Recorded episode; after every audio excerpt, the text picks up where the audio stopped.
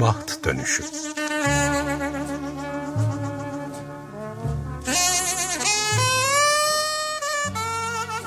Kısa öykü okumaları ve büyüme biçimleri Hazırlayan ve sunan Ayşe Görür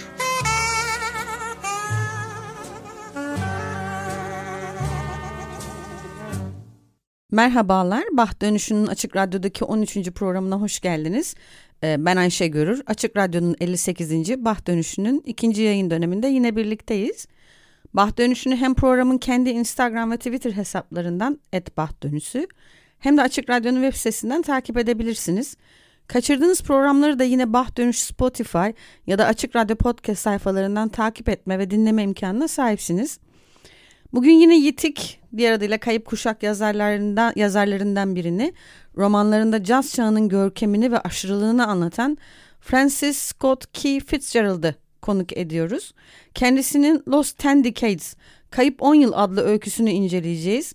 Yitik Kuşak ismini nasıl Hemingway popülerleştirdiyse, caz çağı adını parlatan da Fitzgerald olmuş.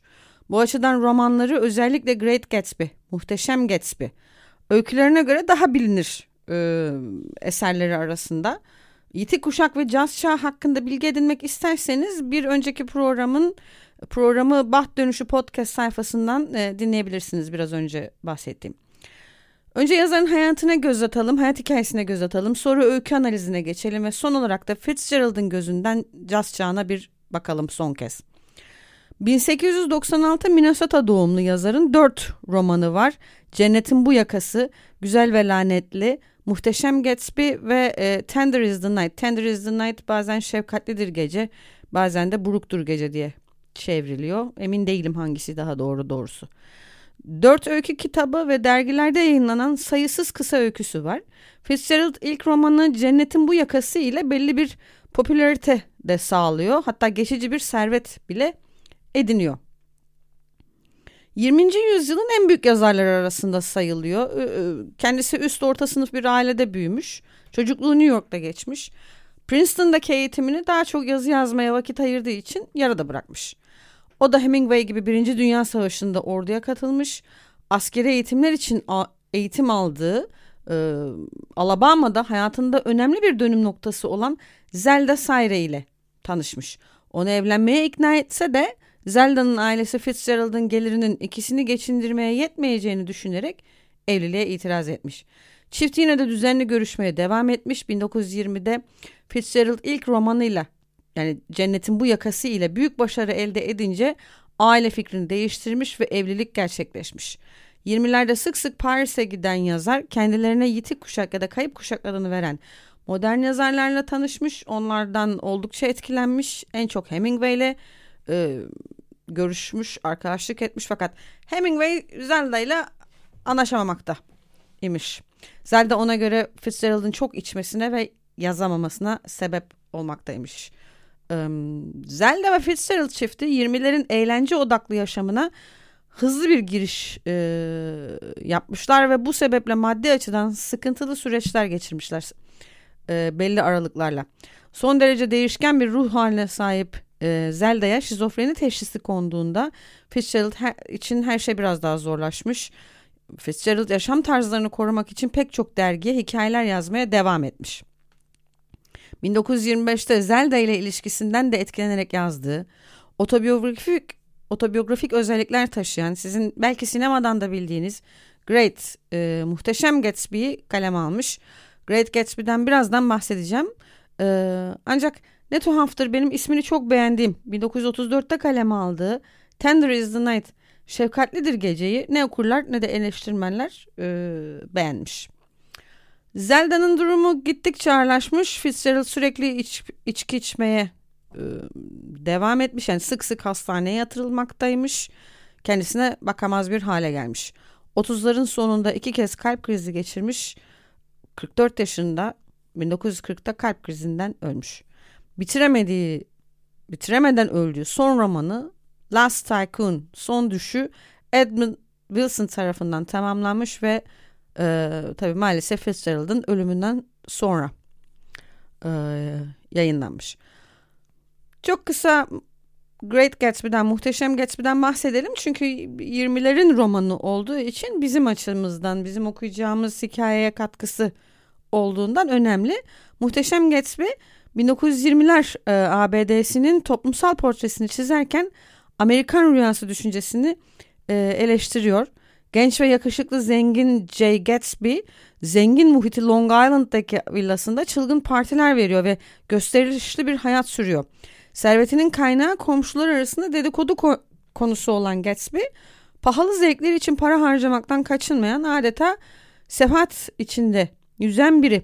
Ancak bu ışıltılı hayatın ardında yalnız ve hayal kırıklığına uğramış bir adam saklı.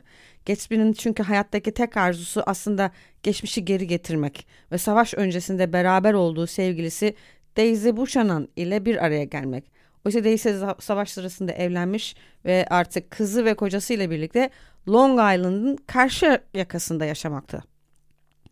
Birinci Dünya Savaşı sonrasında hızla zenginleşen e, Amerikan toplumunda yaşanan bu dönüşümü ele alan muhteşem Gatsby, zenginlik, aşırılık, gösteriş ve beraberinde gelen değerler çöküşünün toplumsal güncesi gibi bir açıdan.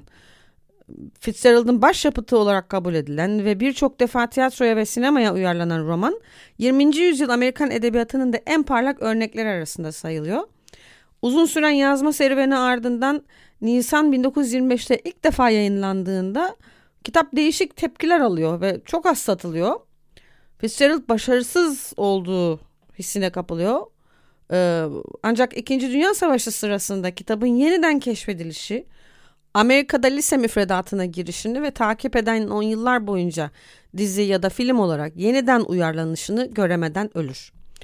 Yiten 10 yıla gelirsek birbirinden metaforik olarak farklılaşan iki New York'tan bahsediyor Fitzgerald öyküde.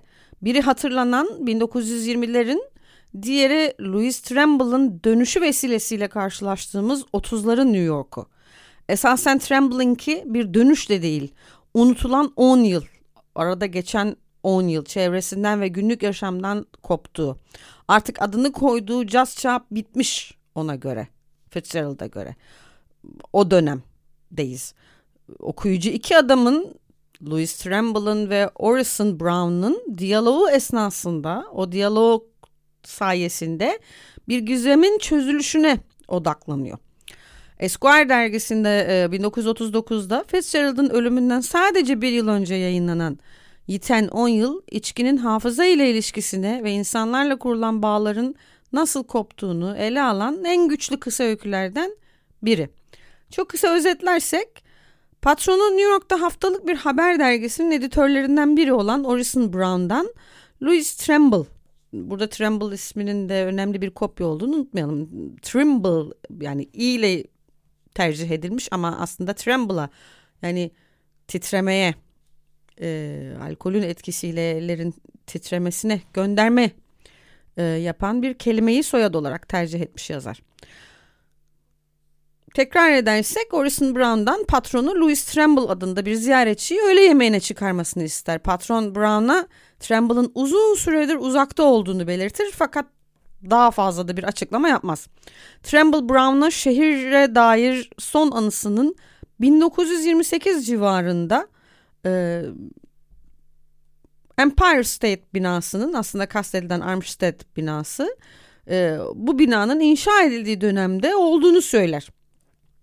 Ancak Tremble'ın son 10 yılda nasıl medeniyetin dışında kaldığını bir sürü anlayamayız.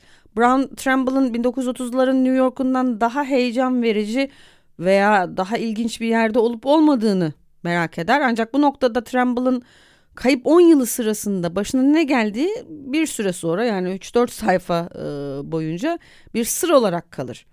Bir ara sorar Orison medeniyetten uzak kaldınız herhalde. Bir bakıma öyle der Tremble.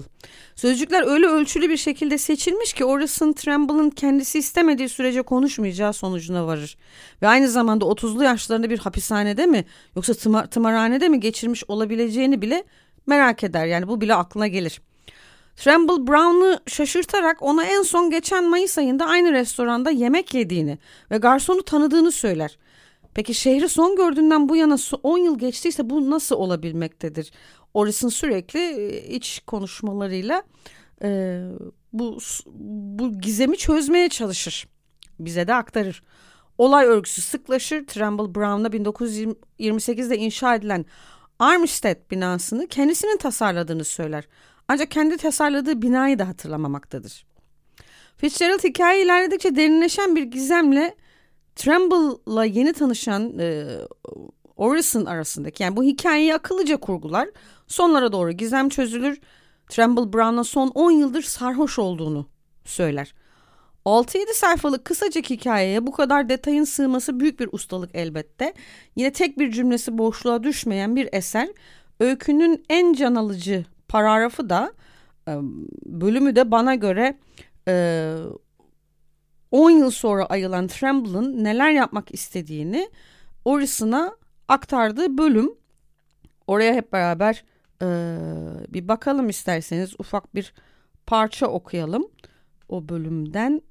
Otururlarken Orison en çok neyi görmek istiyorsunuz diye sordu. Tremble biraz düşündü. Bilmem ki dedi. İnsanların kafalarını arkadan görmek istiyorum galiba, enselerini. Başlarının bedenlerine nasıl bitiştiğini. O iki küçük kızın babalarına neler anlattıklarını işitebilmek isterim. Daha doğrusu söyledikleri sözleri işitmek değil, sözlerinin hafif mi, ağır mı olduğunu, yüzeyde mi yüzdüğünü, suya mı battığını anlamak isterim.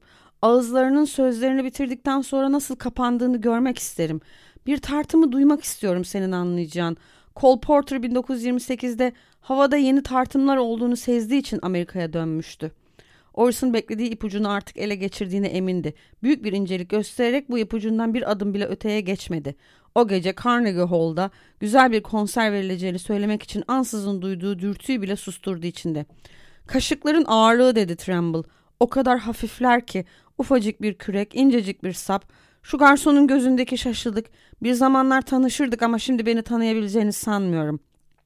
Ama lokantadan çıkarlarken aynı garson Tremble'a gözü ısırıyormuş gibi baktı. Dışarı çıktıkları zaman Orison güldü.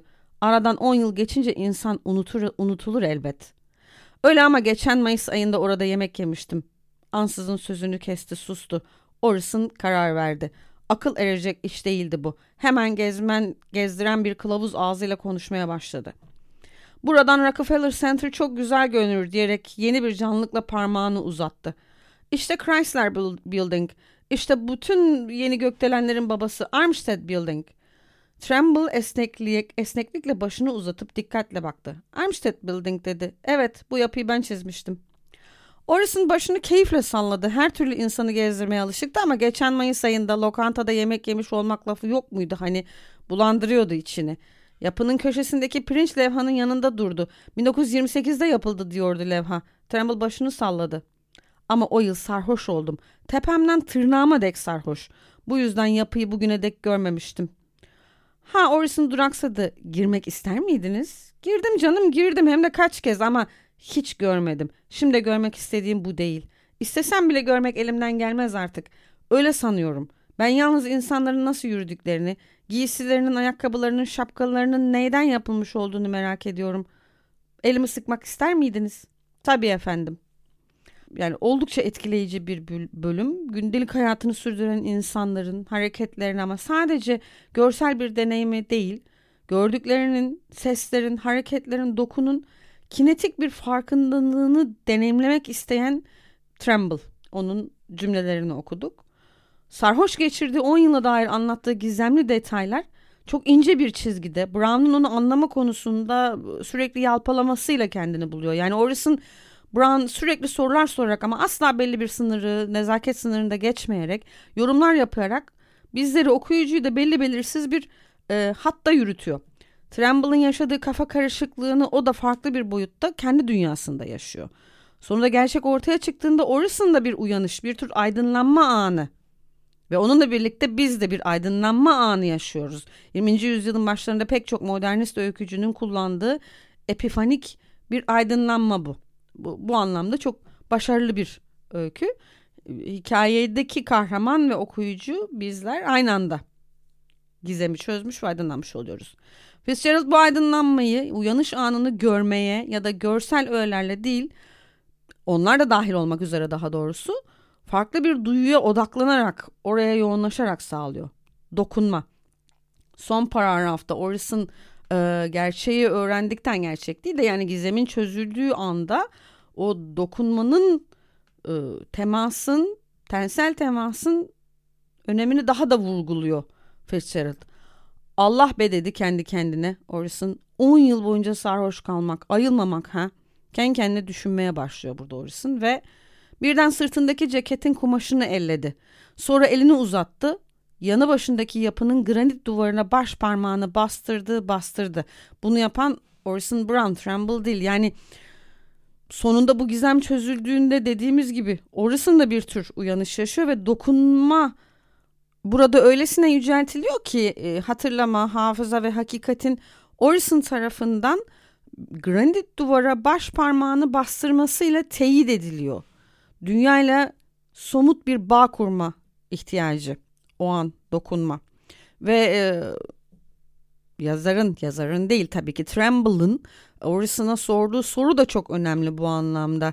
Ayrılırlarken elimi sıkmak ister miydiniz diyor Tremble Orison'a.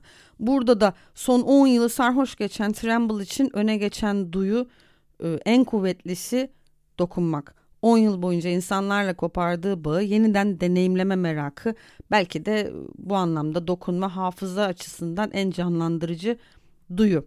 Proust'un belki hatırlatıcı çay kokusu gibi. Gerçi Tremble'ın derdi hatırlamak da değil. Tasarladığı binayı görmek istemeyişinden anlıyoruz bunu. Onun derdi sadece tekrar bağ kurabilmek.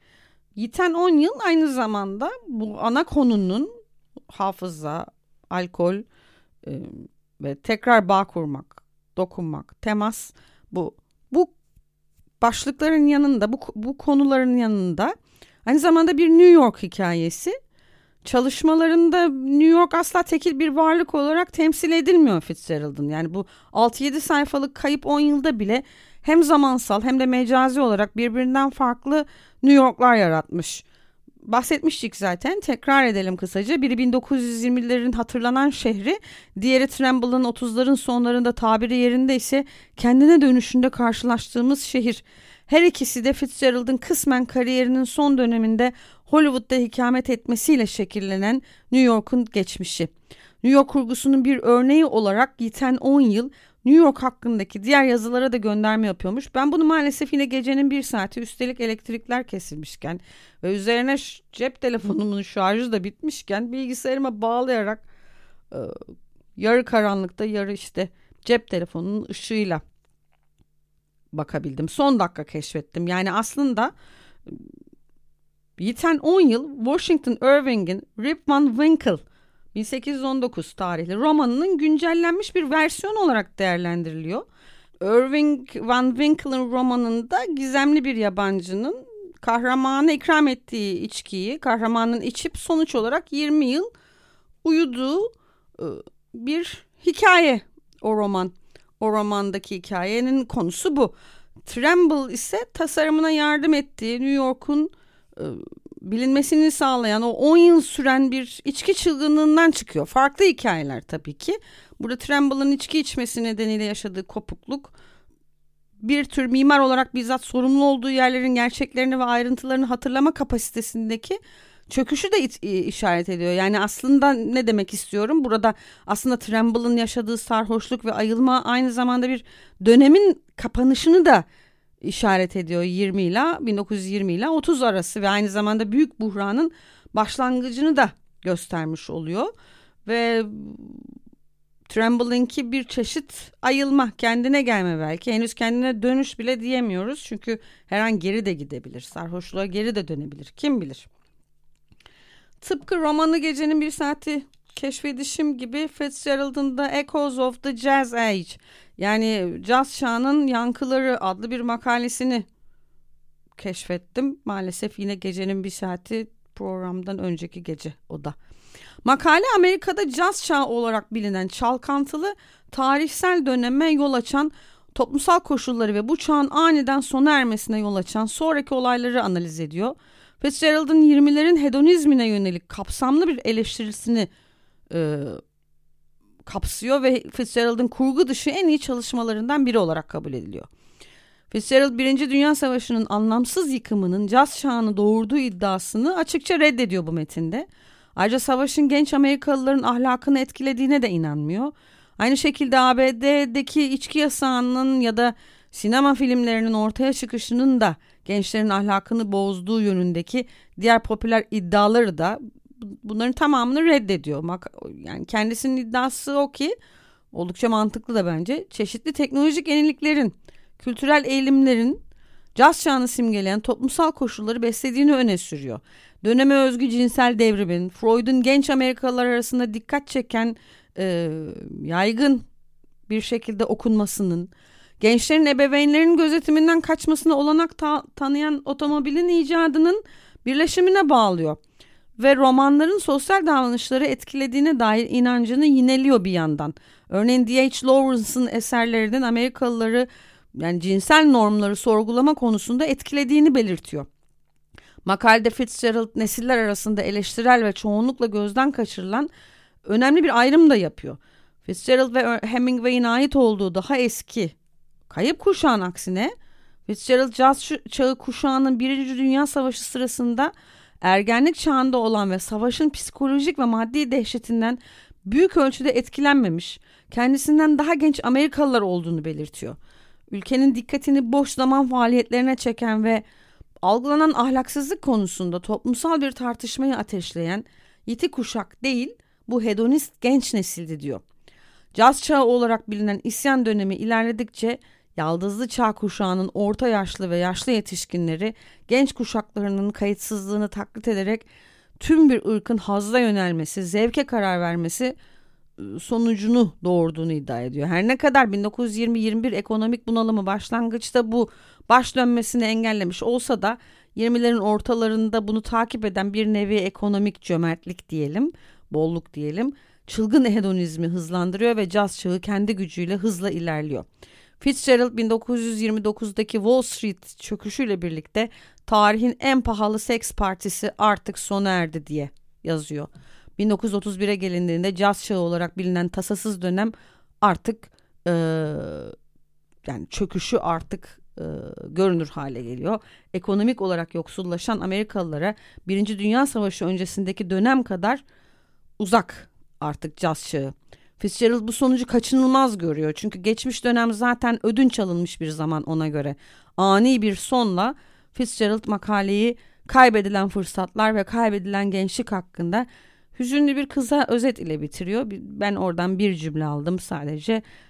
Şöyle diyor ama bazen davulların arasında hayaletimsi bir uğultu, trombonlarda astımlı bir fısıltı oluyor ve bu beni metil alkol içtiğimiz ve her geçen gün her bakımdan daha iyiye gittiğimiz 20'li yaşların başlarına geri döndürüyor. Ticari başarısının ve kültürel şöhretinin zirvesinde olan Fitzgerald bir öğleden sonra New York şehrinin sokaklarında bir taksiyle yolculuk ederken bir daha asla bu kadar mutlu olamayacağını anladığında ağladığını hatırlıyor. Caz çağının ruhu onu sıkmış, pohpohlamış ve ona hayal ettiğinden daha fazla para vermiş.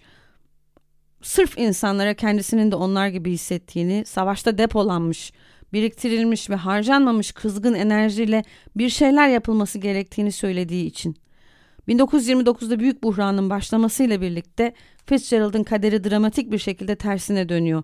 Bir zamanlar olumlu eleştirilerde bulunan eleştirmenler artık onun edebi eserlerinin elitist, ilgisiz ve materyalist olduğunu e, düşünmeye başlıyorlar. Yani ben pek bunu anlayamadım ama bir yerde böyle okudum. Sanırım Tender is the Night'a şefkatlidir geceye böyle bir eleştiri geliyor. Kitap telif ücretleri hızla düşüyor ve kısa öykülerine artık dergilerde kolay kolay yer e, bulamıyor.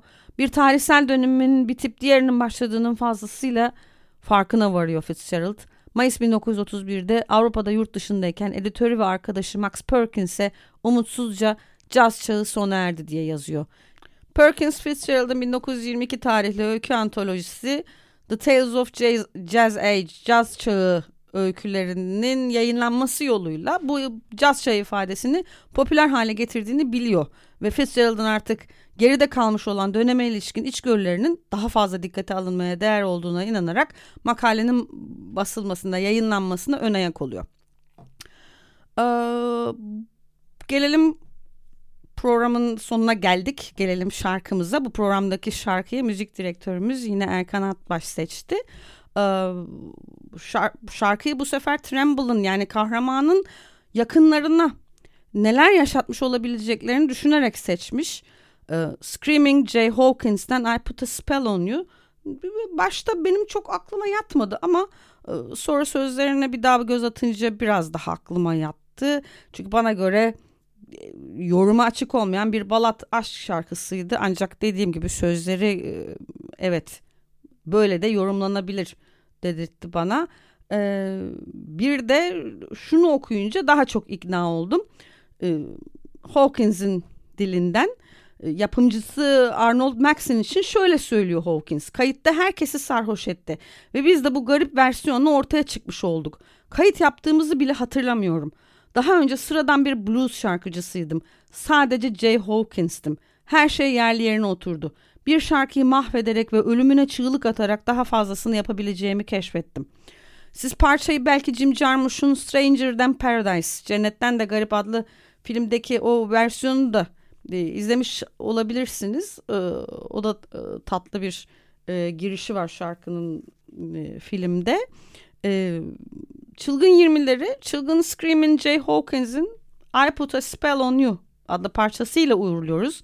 İki hafta sonra yine bir başka çılgınla Salinger'la buluşacağız.